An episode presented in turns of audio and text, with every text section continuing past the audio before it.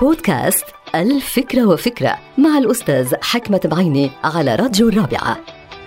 بيخضع الإنسان هالأيام إلى كمية هائلة من المعلومات من خلال شبكة الإنترنت ووسائل التواصل الاجتماعي بالإضافة إلى محطات الراديو والتلفزيون وغيرها. ولكن الإنسان ما بيقبل ولا بيتقبل كل المعلومات. عادة يقوم بعملية مطابقة فكرية لها المعلومات بخزن من خلالها ما يشاء وخاصة اللي بتتطابق مع معتقداته وأفكاره. بيتخلص من معلومات ما بتتناسب مع ميوله الفكرية وهذا عادة ما يعرقل أو يشوش على ما يسمى بالتفكير النقدي اللي بيحتاجه الإنسان العادي ليتفهم مواقف الآخرين وبينسجم مع بعض الأفكار والمواقف اللي بيتخذوها. فمن دون التفكير النقدي يتحول الإنسان عادة إلى شخص عنيد أو صنم. في بعض الحالات ما ممكن لأحد أن يتحاور معه أو يتناقش معه فكريا أو منطقيا. بيصبح شبه جاهل لأنه ليس على استعداد أن يتعلم شيء لا يتطابق مع معتقداته وميوله الفكرية بل على العكس فهو يحاول دائما أنه يتجنب قراءة بعض الحقائق أو الاستفادة منها لأن ما بتتناسب مع تفكيره. بمعنى آخر هو غير قادر على التعامل مع الحقائق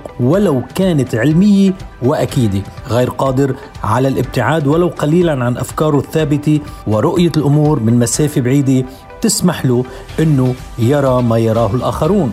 غريب هذا النوع من البشر غريب لكنه موجود. تجنبوا خطر هذا النوع من التطابق الفكري. تقربوا من الفكر النقدي. انتهت الفكرة. هذه الحلقة مقتبسة من كتاب الفكرة وفكرة.